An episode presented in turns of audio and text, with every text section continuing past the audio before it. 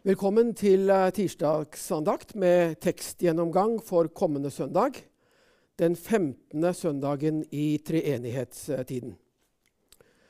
I år viker evangelieteksten i første rekke, Matteus kapittel 5, vers 38-48, med Jesu femte og sjette antitese i bergprekenen, til side for epistelteksten fra Paulus' brev til filipperne, kapittel 1, vers 9-11, som prekentekst. Den tredje teksten, leseteksten fra Det gamle testamentet, er Mika, kapittel 6, vers 6-8. Fellesnevneren for um, disse bibeltekstene er kjærlighet.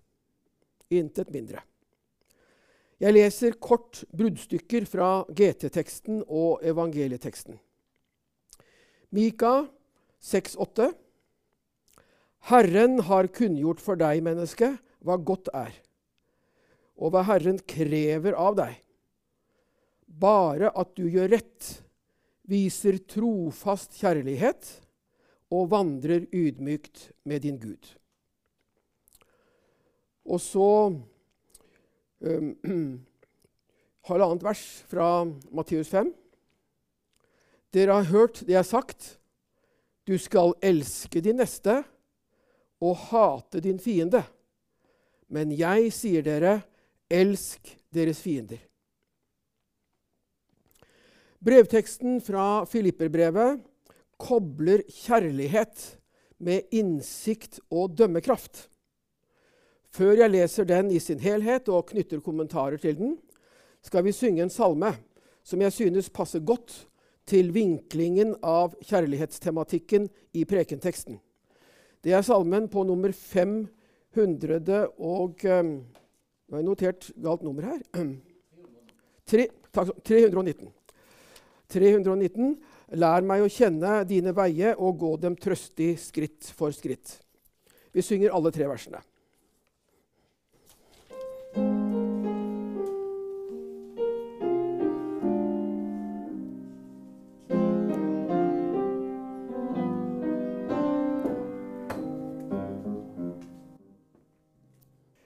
Jeg leser prekenteksten for kommende søndag fra Paulus' brev til filipperne, kapittel 1, vers 9 til og med 11.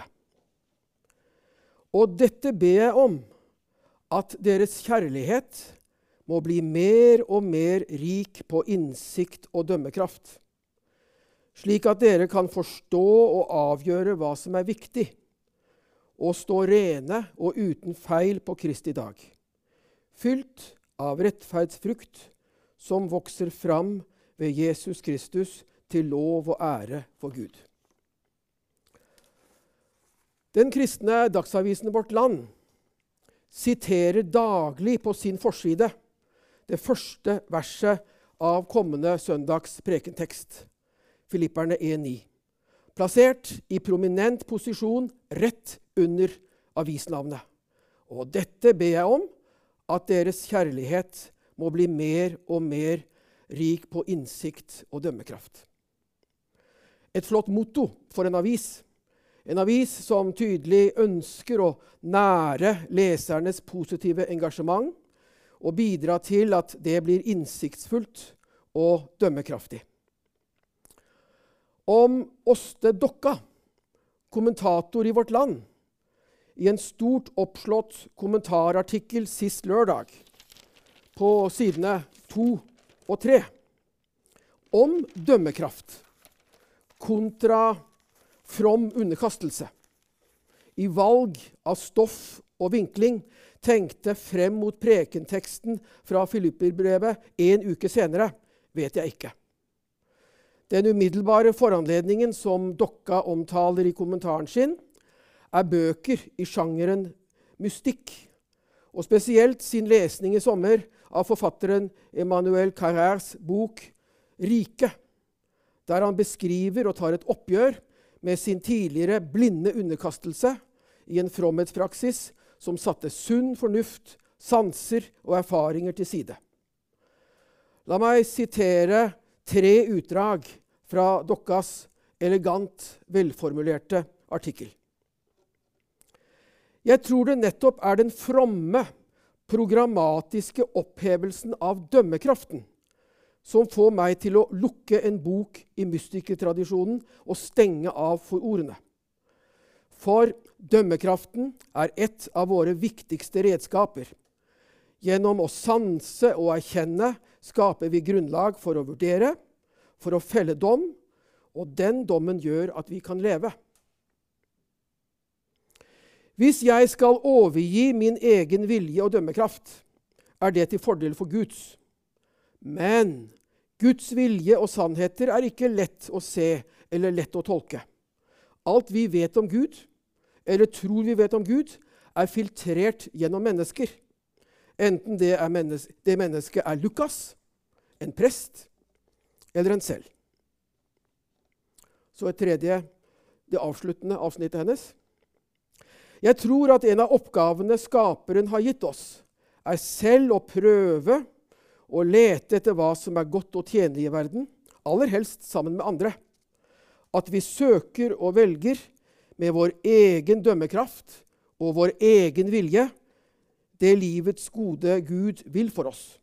Det apparatet vi har for å sanse og vurdere verden, er den best tilgjengelige termostaten for det gode, det sanne og det skjønne.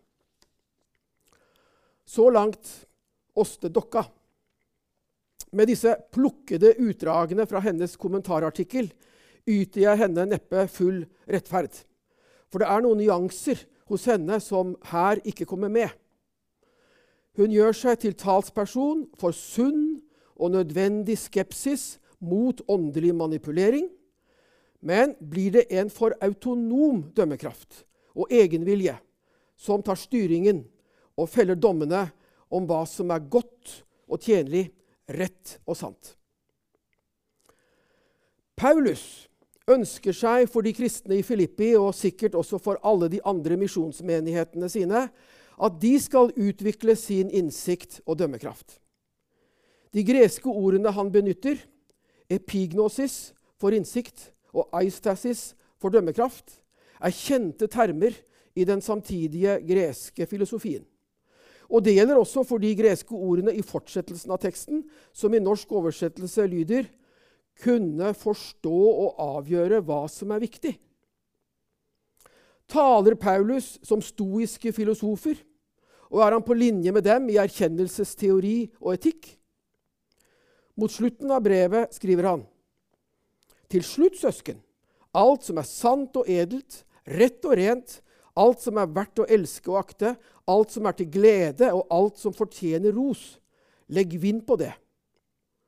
Også her benytter Paulus allmenn moralfilosofisk terminologi.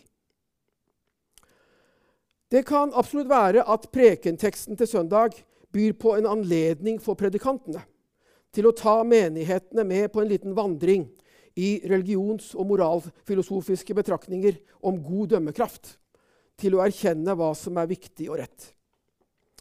Jeg ser det imidlertid som mitt viktigste bidrag til tekstgjennomgangen å spille inn eksegetiske og bibelteologiske momenter. De tre versene som utgjør prekenteksten, avrunder innledningen til Filippe-brevet, der Paulus fremfører takk og bønn for menigheten i Filippi. Han skriver at han alltid takker Gud når han tenker på de troende i Filippi, og alltid, i alle sine bønner, ber for dem med glede. Videre. Og jeg er trygg på at Han som begynte sin gode gjerning i dere, skal fullføre den helt til Jesu Kristi dag. Etter hvert som tekstenheten med takk og bønn skrider frem, røper Paulus eksplisitt hva han ber om når han alltid ber for dem i Filippi, nemlig at deres kjærlighet må bli mer og mer rik på innsikt og dømmekraft. Paulus ber for de troendes kjærlighet. Han spesifiserer ikke.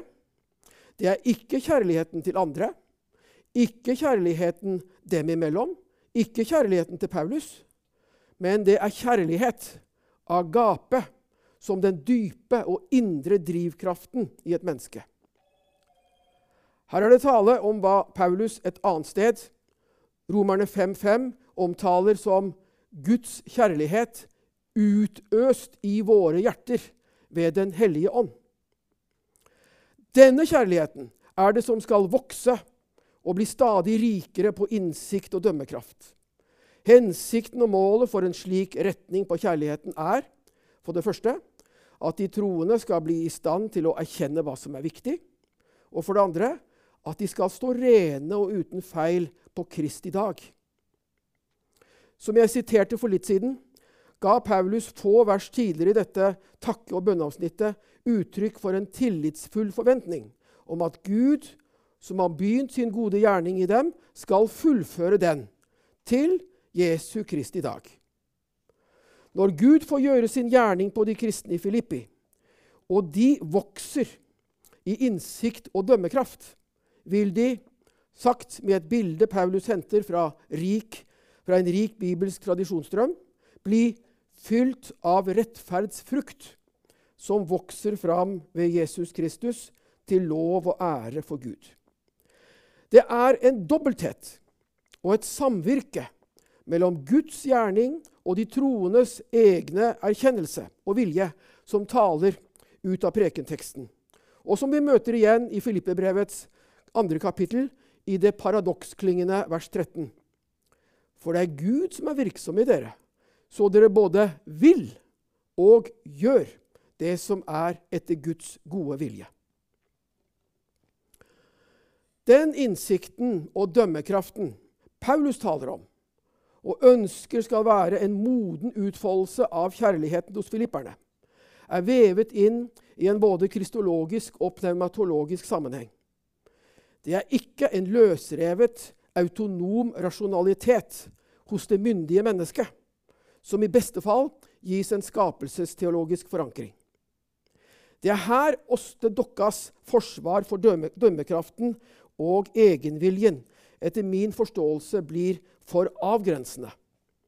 Igjen må jeg i fairness minne meg selv og dem som hører på meg, om at hun ikke skrev sin artikkel som utleggelse eller kommentar til prekenteksten fra Filipperne 1.9-11, og at hun overfor all sekterisk åndelig manipulasjon har et fullt berettiget anliggende i å mobilisere egenviljens og den sunne fornufts protest og motstand. Men å si, som hun gjør, at citat, 'vår dømmekraft og vår egen vilje' er den beste tilgjengelige termostaten for det gode, det sanne og det skjønne, er for frakoblende og postulerer et motsetningsforhold mellom dømmekraft på den ene siden og lydhørhet for ytre autoritet på den andre siden. Også Paulus ønsker hos de troende en innsiktsfullhet som setter dem i stand til å forstå og avgjøre hva som er viktig og tjenlig. Men denne kan og skal ta form som kjærligheten i vekst. Den kjærligheten som Gud har utøst i de troendes hjerter. Denne kjærligheten kan bare vokse seg sterk, raus, overbærende, til trygg dømmekraft dersom mennesker orienterer seg mot ham som har plantet kjærligheten i dem, og er lydhør for ham. Det fremgår av Filippe-brevet at det var spenninger og motsetninger innad i menigheten. Paulus henleder brevmottakernes oppmerksomhet på kjærligheten, Kristus og Den hellige ånd når han adresserer de problematiske relasjonene i menigheten. Jeg siterer de to første versene i kapittel 2. Om det da er trøst i Kristus, oppmuntring i kjærligheten, fellesskap i Ånden, om det finnes medfølelse og barmhjertighet, så gjør nå min glede fullkommen. Ha samme sinnelag og samme kjærlighet. Vær ett i sjel og sinn. Paulus ønsker frie og myndige troende med en trygg dømmekraft som også setter dem i stand til å ta rette valg.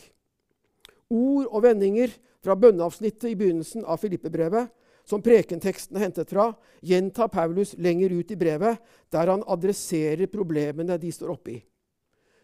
Jeg siterer litt fra kapittel 2.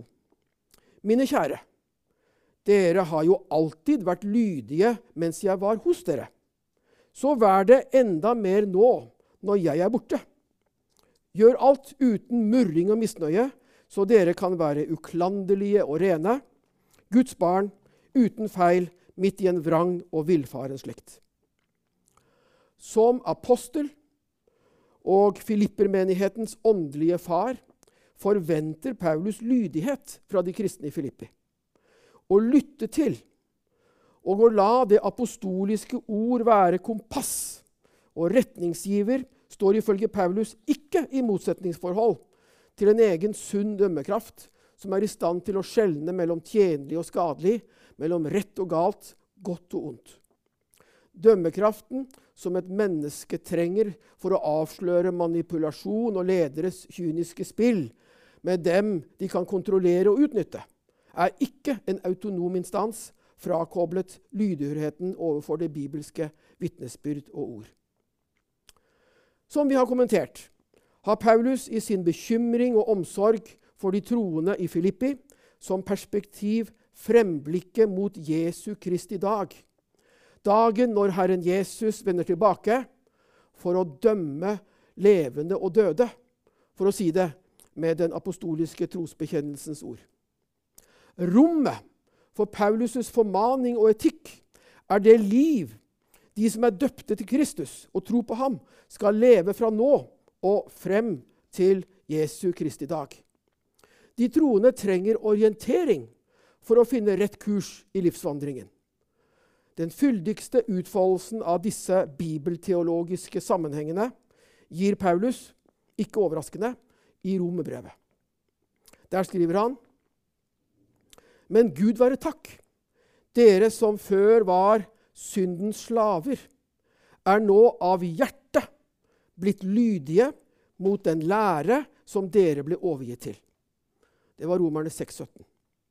I hjertet, der Gud har utøst sin kjærlighet, som skal bli mer og mer rik på innsikt og dømmekraft, er den troende i bindingen til Kristus som sin nye herre gitt en frihet som nettopp setter henne og ham i stand til å skjelne rett. Da kan det skje, som Paulus taler om, ved overgangen til den delen av romerbrevet som inneholder formaninger. Kapittel 12, vers 1 til og med 15-13. Innrett dere ikke etter den nåværende verden, men la dere forvandle ved at sinnet fornyes, så dere kan dømme om hva som er Guds vilje, det gode, det som er til glede for Gud, det fullkomne. Vi avslutter med bønnen for 15. søndag i treenighetstiden. Trofaste Gud, du elsker oss som en kjærlig mor og far. Vi ber deg, lær oss å lytte til dine ord, så vi blir rike på innsikt og kjærlighet. Ved din Sønn Jesus Kristus, vår Herre, som med deg og Den hellige ånd lever og råder, en sann Gud fra evighet til evighet. Amen.